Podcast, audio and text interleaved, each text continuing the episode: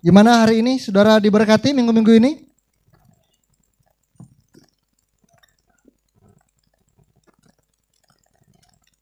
Wow, luar biasa. Yes, yes, yes.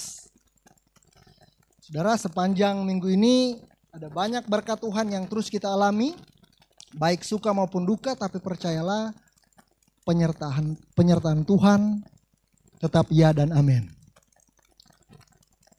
Saya banyak mendengar kesaksian-kesaksian yang luar biasa saudara ketika tema tahun ini disampaikan The Year of Fatherhood. Luar biasa saudara. Ada begitu banyak terobosan di komsel-komsel. Ada begitu banyak terobosan setiap individu, pribadi, demi pribadi saudara. Kenapa? Karena mereka betul-betul mengalami esensi yang sesungguhnya. Mereka menemukan berkat Bapa itu. Amin. Mereka menemukan berkat Bapa saudara. Tema kita di Year of Fatherhood luar biasa. Minggu lalu saudara hambanya Pak Elvis, saudara masih ingat apa yang disampaikan?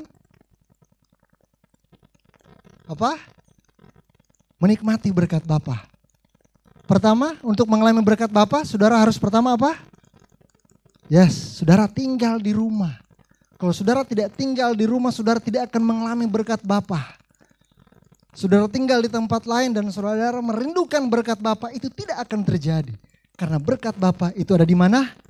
Di rumah. Katakan di rumah. Yes. Kedua, terkoneksi. Betul.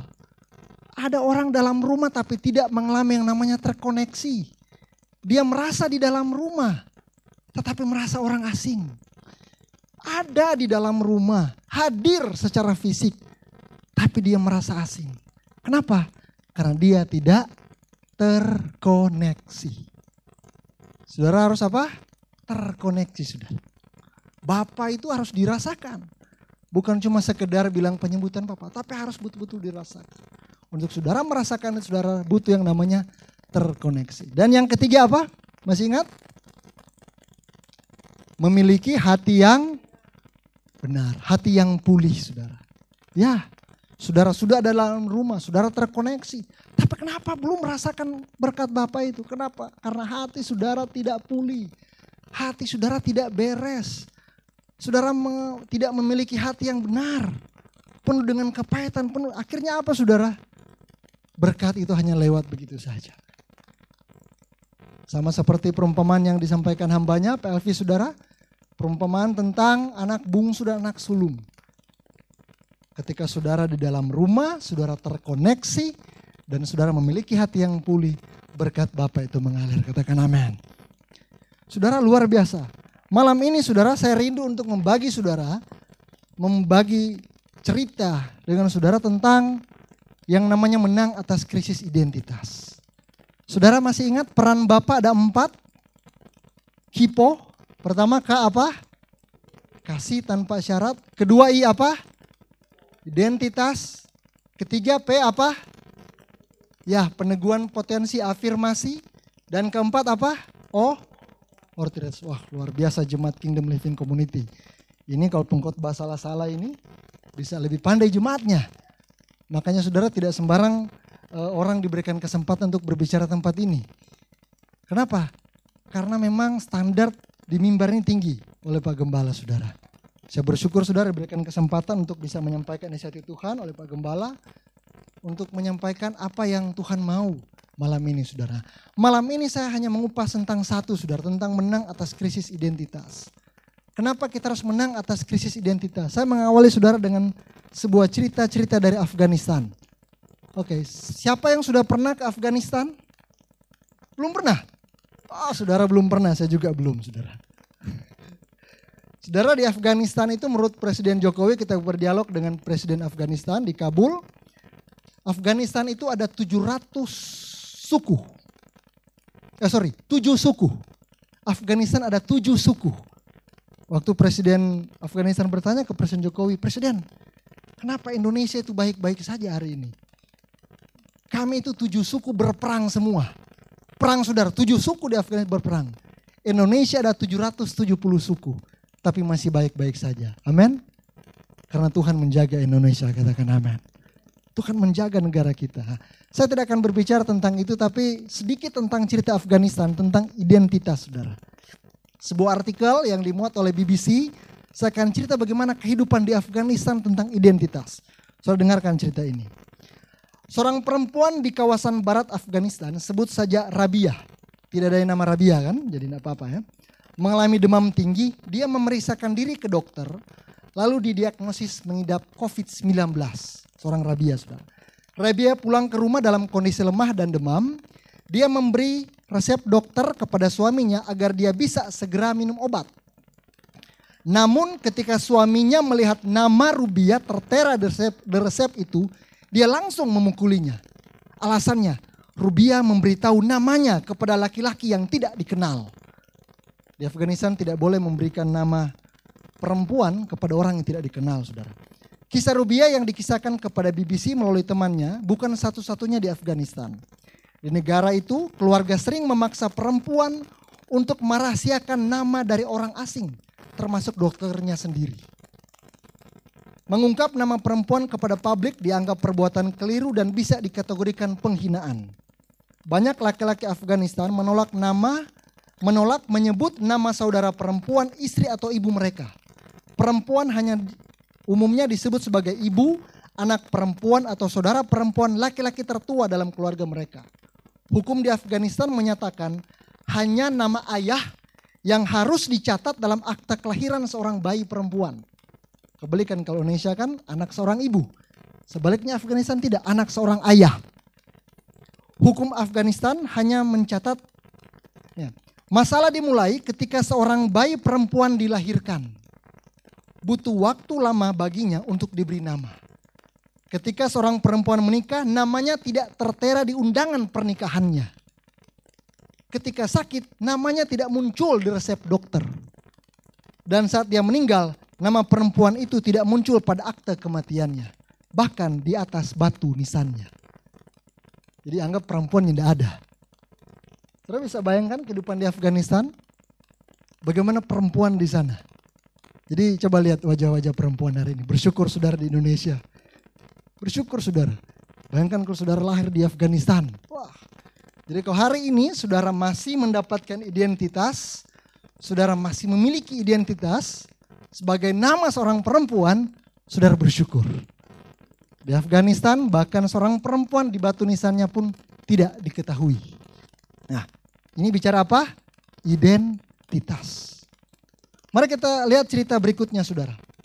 Hasil penelitian di Amerika yang terjadi setiap hari di sana. Ini akibat yang namanya krisis identitas.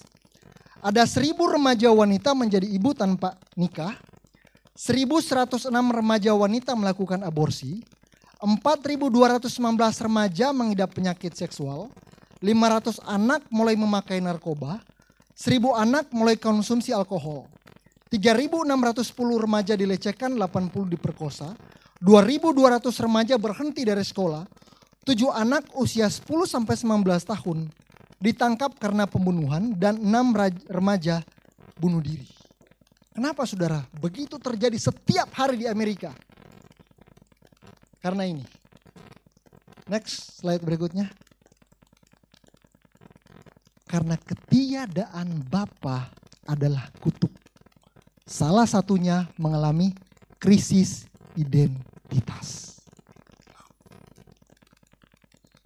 Ketiadaan Bapak adalah kutuk, saudara.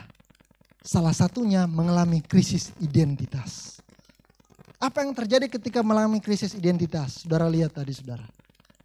Anak-anak, remaja, hancur hidupnya. Kenapa? Karena dia tidak mengalami yang namanya berkat Bapa. Dia mengalami yang namanya krisis identitas. Dunia ini membutuhkan Bapa. Amin. Makanya bersyukurlah saudara di tempat ini, di komunitas ini diajarkan tentang the year of fatherhood. Tahun di mana pembapaan itu harus terus bergulir. Komunitas ini membutuhkan Bapak, dunia ini membutuhkan Bapak, kota ini membutuhkan Bapak. Dan saudara adalah orangnya, katakan amin. Dan komunitas ini mempersiapkan orang-orang yang akan disebut Bapak. Apakah dia jenis kelamin perempuan atau laki-laki? Karena bicara Bapak itu adalah peran bukan soal jenis kelamin saudara. Supaya apa? Jangan ada lagi orang-orang yang mengalami yang namanya krisis identitas. Saudara belajar dari kisah Yakub dan Esau. Saya akan bacakan kisahnya tapi cukup panjang nanti saudara bisa baca di rumah saudara. Dalam kejadian 28 saudara itu bicara tentang uh, kisah uh, berkat yang dijual hak kesulungan Yakub kepada Esau hanya karena dia so lapar, hak kesulungan karena kacang merah. Nah, saya akan bicara kepada saudara tentang ciri-ciri krisis identitas. Mari kita lihat. Ciri krisis identitas pertama yaitu apa? Iri hati. Next saudara, apa yang maksud iri hati ini saudara? Saudara, Esau iri kepada Yakub karena ia telah mencuri berkat bapaknya. Esau menjadi orang yang iri hati. Kenapa? Karena dia merasa berkat itulah miliknya, tetapi berkat itu dicuri oleh adiknya sendiri, yaitu siapa? Yakub. Ciri krisis identitas pertama adalah orang itu mengalami yang namanya apa? Iri hati. Iri hati kenapa? Karena dia mengalami yang sebenarnya krisis identitas. Krisis ketidakan Bapa. Sama seperti yang dialami oleh Esau anak saudara yang sering dibanding-bandingkan dalam keluarganya akan menjadi tumbuh menjadi anak yang penuh dengan iri hati. Peran Bapak harus hadir supaya tidak ada anak yang iri hati. Saudara seanak yang sulung, anak yang tua, saudara. Adik saya beda 9 tahun dengan saya anak bungsu. Saya saudara sering iri hati sama adik saya. Kenapa? Adik saya tidak mengalami seperti apa yang saya alami saat saya sebagai anak yang sulung, saudara. Sa anak yang sulung penuh tekanan. Sa anak yang sulung penuh dengan perjuangan saudara. Tidak seperti anak adik saya yang bungsu. Saya mengalami iri hati. Akibatnya apa saudara? Ketika saya punya kesempatan untuk mendidik adik saya, saya menganiaya adik saya. Apa yang diterima oleh eh, saya dari bapak saya, bapak memukul saya, ayah saya secara jasmani memukul saya. Saya melakukannya persis seperti saya melakukan kepada adik saya. Beberapa 10 tahun yang lalu saudara saya ajak dia tinggal di Bitung. Saya melakukan seperti apa yang papa saya lakukan. Karena sebenarnya saya mengalami yang namanya iri hati. Ada iri hati dia. Kenapa iri hati saudara? Saya tidak melihat sebuah hal yang sama. Kenapa? Karena kami dibanding-bandingkan saudara. Di komunitas ini saya betul-betul bertobat. Saya berubah saudara. Saya berubah. Saya disembuhkan iri hati saya saudara. Saya dibapai oleh Kak Feb, Bapak rohani saya. Yang menggantikan peran Bapak jasmani saudara. Sampai suatu ketika saudara, ketika saya baru selesai ikut retreat rohani, saya datangi adik saya. Adik saya namanya Fredrik saudara. Kalau saudara ke bandara, saudara pasti ketemu dia. Tompe muka hampir-hampir mirip kok. Lain kali orang salah bapangge. Oh. Saya datangi adik saya dan saya bilang ke adik saya, Dek, kakak minta maaf karena kakak japukul pangana persis seperti apa yang papa jabeking pak kakak.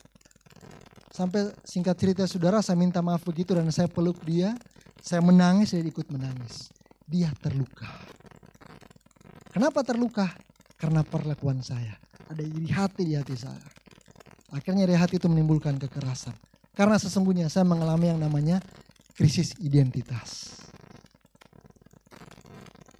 Yang kedua saudara, dengan cepat ini saudara. Kejadian 28 ayat 6 sampai 9 bilang begini. Ketika kejadian 28 ayat 6 sampai 9, ya saudara bisa buka. Kejadian 28 ayat 6 sampai 9. Ketika Esau melihat bahwa Ishak telah memberkati Yakub dan melepasnya ke padan Aram untuk mengambil istri dari situ, pada waktu ia memberkatinya, ia telah memesankan kepada Yakub janganlah ambil istri dari antara perempuan Kanaan. Dan bahwa Yakub mendengarkan perkataan ayah dan ibunya dan pergi ke padan Aram. Maka Esau pun menyadari bahwa perempuan Kanaan itu tidak disukai oleh Ishak ayahnya. Sebab itu ia pergi kepada Ismail dan mengambil Mahalat menjadi istrinya di samping kedua istrinya yang telah ada. Mahalat adalah anak Ismail, anak Abram, adik Nebayot. Saudara dengarkan bila seseorang mengalami krisis identitas, krisis ketiadaan Bapa, selain iri hati, dia akan memiliki hati pemberontak. Apa? Berontak, saudara. Esau memberontak kepada orang tuanya. Sekalipun ia tahu orang tuanya marah kalau dia mengambil perempuan Kanaan. Sebaliknya Yakub mendengarkan perkataan ayah dan ibunya. Ingat, Yakub mendengarkan perkataan ayah dan ibunya. Esau tidak demikian. Dia baterai akang. Dia baterai akang dari mau dem papa. Tahu-tahu boleh ambil orang kanan, dia ambil orang kanaan. Ingat, Poin kedua, kalau misalnya saudara mengalami krisis ketidakadilan Bapak, krisis identitas, saudara akan memiliki hati memberontak. Saudara, saya sebenarnya punya hati pemberontak. Saya pernah, saudara, dikejar oleh papa saya, bahkan dipukul habis-habisan. Karena disuruh melakukan sesuatu dulu, orang kalau di orang kampung dia kendong tali. Bakendong begini, apa, apa, Tali gumutu tuh. Putar, putar, putar, putar begini. DP putus saudara, karena ini kan tali semakin jauh dia 50 meter belum. 100 meter kurang jadi dapat dengar suara. Sudah, belum, sudah, belum. Wih, DP putus tuh tali karena kita papa sudah apa lihat apa kita, kong kita lari.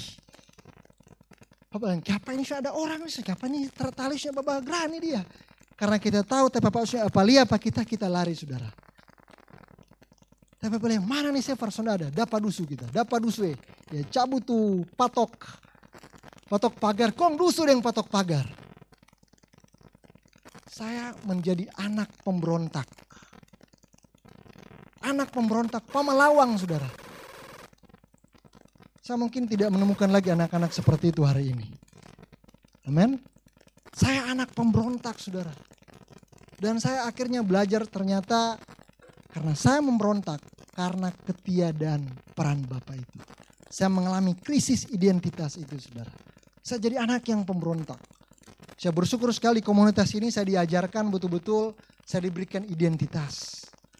Saya diberikan, saudara saya diberikan identitas. Saya betul-betul diteguhkan saudara. Saya diberikan berkat supaya apa? Saya tidak lagi menjadi anak pemberontak. Saya belajar untuk tunduk dan taat. Saya belajar itu saudara. Kalau tidak, saya pasti anak pemberontak yang luar biasa nakalnya. Saudara, yang ketiga, saya akan cepat sampaikan ini saudara. Yang ketiga, independen. Esau menjadi independen, mengambil keputusan sendiri tidak berkonsultasi dengan orang tuanya. Ingat, selain pertama dia iri hati, kedua dia menjadi pemberontak, yang ketiga dia apa? Independen. Orang yang tidak menerima berkat mengalami krisis identitas, sering kali hidupnya independen dan tidak mau mendengarkan orang tuanya, bapaknya atau otoritas rohaninya. Independen, dia punya independen sendiri. Dia mau pakai DP kebenaran sendiri. Dia suka DP kebenaran sendiri yang dia pakai, bukan kebenaran orang lain. Kalau saudara mengalami ciri-ciri seperti ini, mungkin saja saudara ada di rumah tapi tidak mengalami berkat Bapak itu. Saudara ada di sini, saudara tapi kenapa saya mengalami ini saudara? Kenapa? Karena sebenarnya ada bapak tapi tidak berfungsi atau saudara sendiri yang memiliki hati yang tidak pulih. Yang keempat, minder. Kejadian 27 ayat 38 kata begini, 27 ayat 38. Kata Yesus, eh, kata Esau kepada ayahnya. Kata Esau kepada ayahnya, hanya berkat yang satu itukah ada padamu ya Bapa? Berkatilah aku ini juga ya Bapa. Dan dengan suara keras menangislah Esau. Esau hidup dalam keminderan karena tidak menerima berkat dari ayah. Dia minder sudah dengan berkat yang diberikan oleh bapaknya itu. Dia suka dan siapa kata cuma berkat itu masih ada lagi tuh berkat lain. Kenapa? Karena dia minder saudara. Esau menjadi minder. Saudara, orang yang mengalami yang namanya ketiadaan peran Bapak ini, dia menjadi orang yang minderan. Minderan. Dan saya juga adalah orangnya, saudara. Saya adalah orangnya. Saya minderan dulu, saudara. Saya untuk maju di depan, untuk berbicara di depan, saya pemalu. Suatu waktu, saudara, saya diminta untuk sambutan. Waktu saya lurah, masih awal-awal pertama kali. Saya minderan. Kenapa saya minderan, saudara? Ini sambutan pertama kali, saya baru pertama kali jadi lurah. Membawakan sambutan di orang yang sudah dua kali menikah dan usia pernikahannya sudah 23 tahun. Saya masih bujang, belum menikah saudara, usia 23 tahun juga. Dan pembicara pertama bilang begini, Saudara-saudara, saya sudah 15 tahun pernikahan, tapi saya merasa kurang layak menyampaikan sambutan ini. Kita sototofore di bawah. Aduh, ini pendeta dia bilang dia sudah 15 tahun kaweng, dia kurang layak. Eh kita ini masih nyong-nyong, masih bujang. Saya 23 tahun waktu itu belum kenal komunitas ini, saudara itu 2007. Saya minderan, kita bilang, kita mau bilang apa Tuhan? Toto Fore, ini dah kaweng nih dia. Dia menikah dua kali karena sudah meninggal saudara, suami mempelai pria maupun mempelai wanita, janda dan duda mati saudara. Usia pernikahan mereka sudah 23 tahun, sama dengan usia saya waktu itu. Saya mindernya setengah mati. Aduh, baru baru sobat tengah tuh pendeta pesambutan, tapi jantung semua tak keluar. Duk duk duk duk duk duk. Aduh semua kita ini. Semua kita ini dia. DP terakhir, wassalamualaikum. Aduh semua kita. MC semua baca kita penama ini. Saudara baca sambutan pemerintah oleh lurah Wangurer Severson semampu. Allah tak cabu memang. Saya minderan saudara kita pegang mic totofore begini. Kita so tulis asli hampir tak baca semua.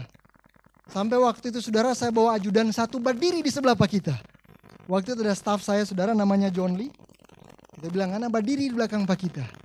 Supaya kalau kita jatuh ada orang mau pegang begitu kan. Jangan kita tetap kong pingsan kong pura-pura rubuh toh. Kong kan pura-pura rubuh kalau ada orang kan boleh buat drama sedikit. Kalau nyalakan rubuh pasti rubuh. Rubuh maruku toh. Saya menjadi minderan. Kenapa saya minderan saudara? Karena saya belum mengenal yang namanya Bapak itu. Saya ada Bapak di rumah. Tapi saya tidak mengalami yang namanya peran Bapak itu saudara. Saya tidak pernah diberikan afirmasi, saya tidak pernah diberikan identitas. Saya tidak mengalami yang namanya peran Bapak. Sehingga saya minderan. Nah, ciri-ciri ini saudara, ada bila orang tidak mengalami yang namanya peran Bapak. Dan yang terakhir, kejadian 27 ayat 41.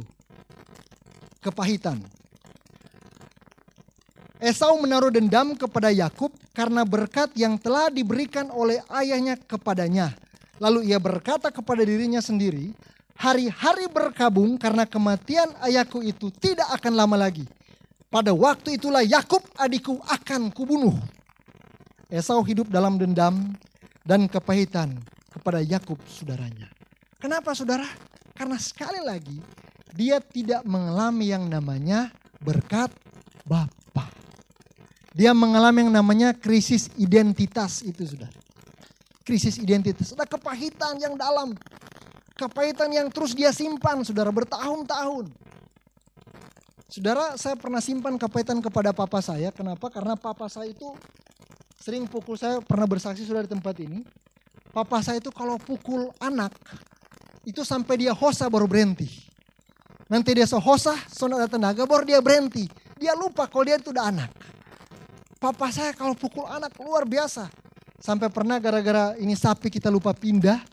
Wakil ini sapi ini patah kaki. Kong dia ambil tuh cembok sapi, kong dia pukul kita rupa sapi. Petak, petak, petak. Kita pikir begini, aduh papa lebih sayang sapi dari kita saya, saudara kita semua ruku, semua nangis, semua minta-minta ampun, nyanda. Di benak kita kita pikir papa lebih sayang sapi dari kita. Nanti papa mau panggil itu sapi severson.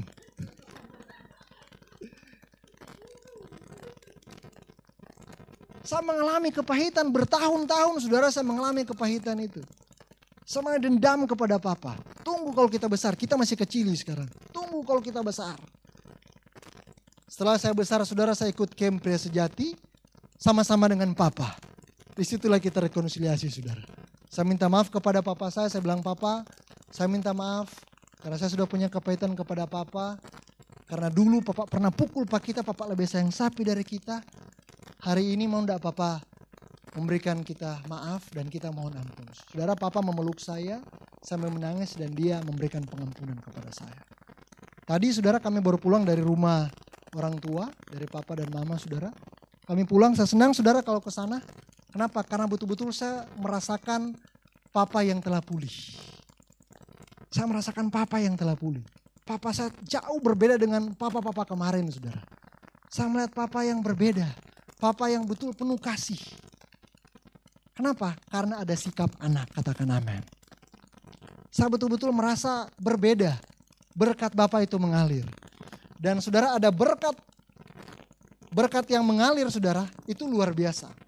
Kalau saudara melihat tadi ada ciri-ciri krisis identitas, ada iri hati, berontak, independen, minder, kepahitan, Sebaliknya kalau saudara mengalami yang namanya berkat Bapa, saudara akan mengalami empat hal ini.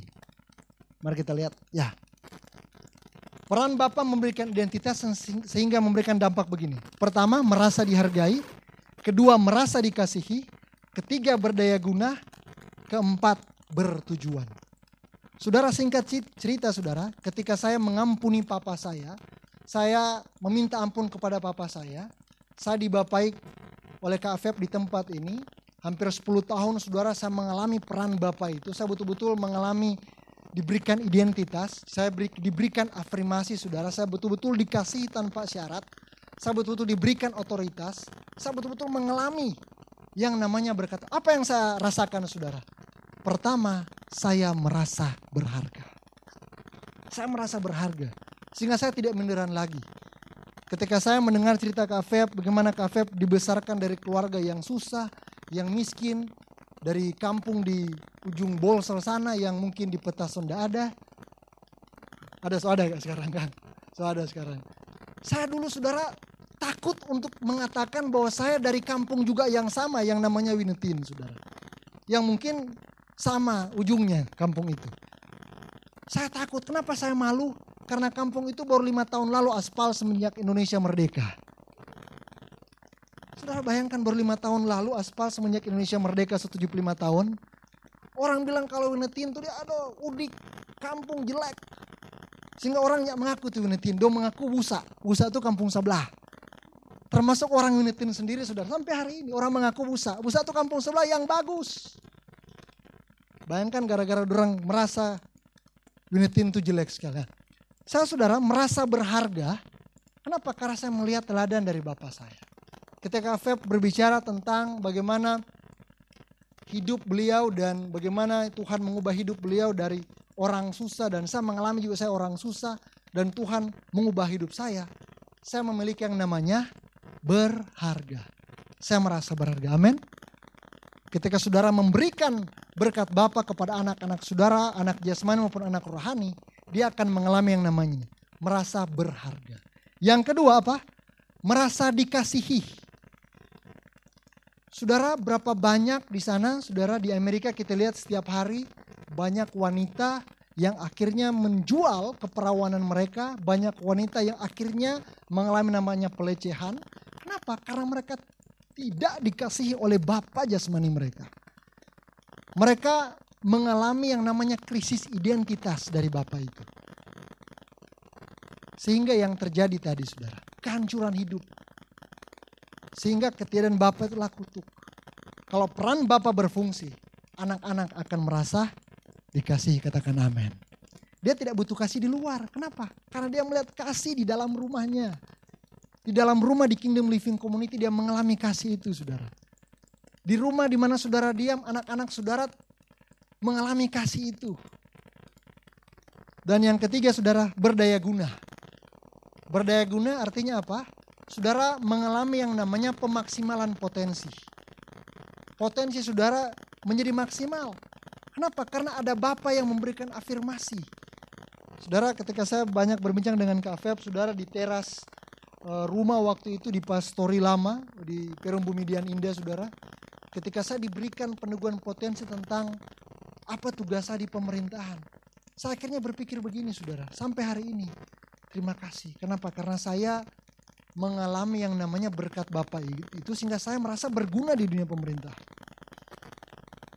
Dengan potensi saya, saya percaya Tuhan akan memakai saya di dunia pemerintahan. Dan saya dimaksimalkan di situ, saudara. Saya baru-baru ikut pelatihan, saudara, ikut diklat. Diklat ini di Sulawesi Utara, hanya saya satu-satunya utusan dari seluruh, seluruh Sulawesi Utara. Ada dari Aceh, dari Sumatera, dari Sulawesi Barat. Ih, kenapa cuma TP nama nih udah keluar. Main nama lain. Saudara luar biasa. Kenapa? Saya mengalami yang namanya berkat Bapa. Dan keempat, bertujuan. Saya memiliki tujuan hidup. Saya yakin kalau saya tidak dibapai, mungkin TP tujuan, TP tujuan berbeda. Tujuan berbeda. Tidak hari ini, tidak seperti hari ini. Dulu kita tujuan yang penting kerja jo. Yang penting kerja dapat doi makan saya habis selesai. Jadi uang yang saya dapatkan saudara, saya gunakan berfoya-foya. Kenapa? Karena saya tidak memiliki tujuan. Tapi ketika saya dibapai, saya mengalami yang namanya tujuan hidup saudara. Dulu kita tujuan yang penting tak kawin ya tujuan. Hati-hati anak muda saudara. Kalau tujuan saudara lah pernikahan. Dulu sama orang. Yang penting kita mau kawin cewek paling pesung. Nah gitu kan. Saya membayangkan oh cewek pesung. Dari kecil kita cita kawin dengan pramugari. Betul ini cerita. Karena kita rumah dekat bandara. Kita bayangan bilang begini. Mudah-mudahan ada pesawat tergelincir.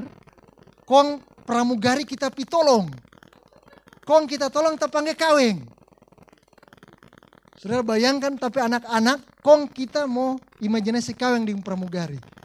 Sebenarnya itu jahat saudara. Kenapa? Bayangkan jotorang kalau dalam pesawat tuh dia kong gara-gara imajinasi seorang anak kong dia jadi. nah mungkin le pramugari kong mau pikawin dengan orang kampung sana. gara-gara dia tolong. Tapi Tuhan baik saudara.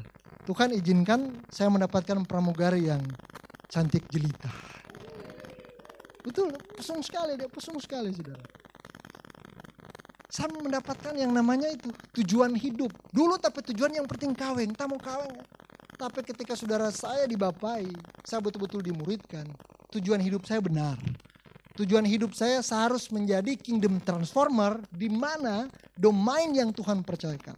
Kalau domain yang Tuhan percayakan saya hari ini di dunia pemerintahan, saya harus menjadi kingdom transformer di sana. Saya harus menjadi sesuatu yang berbeda sehingga nama Tuhan dimuliakan di sana. Sehingga saya bilang ke Kak waktu itu, saya bilang terima kasih Kak, ini meneguhkan saya. Sehingga saudara hari ini saya mau bilang kepada saudara-saudara, posisi jabatan saya itu bukan tujuan hidup saya, katakan amin. Saya menjadi camat hari ini itu bonus. Saya pun tidak menjadi camat, itu pun bonus dari Tuhan. Mau jadi camat, mau jadi lurah, mau jadi apa itu hanya bonus. Tetapi tujuannya adalah saya harus maksimal di dunia pemerintahan. Di posisi apa pun itu. Sehingga saudara orang bilang begini, eh Pak Camat, saudara orang mau ganti Pak Camat. So tiga atau lima orang, so senin tahu siapa mau ganti. So banyak orang mau bilang, kita bilang ini ambil sekarang Garuda, ini pakai apa? Kita beli ada dua, satu kita satu ngana. Kalaupun saudara mau ada, ada lebih Pak kita. Boleh saudara. Kenapa? Akhirnya saya mengerti saudara. Orang yang dibapai, dia mengerti tujuan hidupnya. Dia tidak pusing dengan hal-hal yang kelihatan termasuk jabatan katakan aman. Orang yang dibapai, dia tidak pusing dengan hal-hal yang kelihatan. Hal-hal yang kelihatannya baik, kelihatannya itu kelihatan manusia. Tapi saya percaya ketika saudara mengalami berkat Bapak ini, makanya saudara akan memiliki yang namanya tujuan hidup. Amin. Ya, yang terakhir saudara.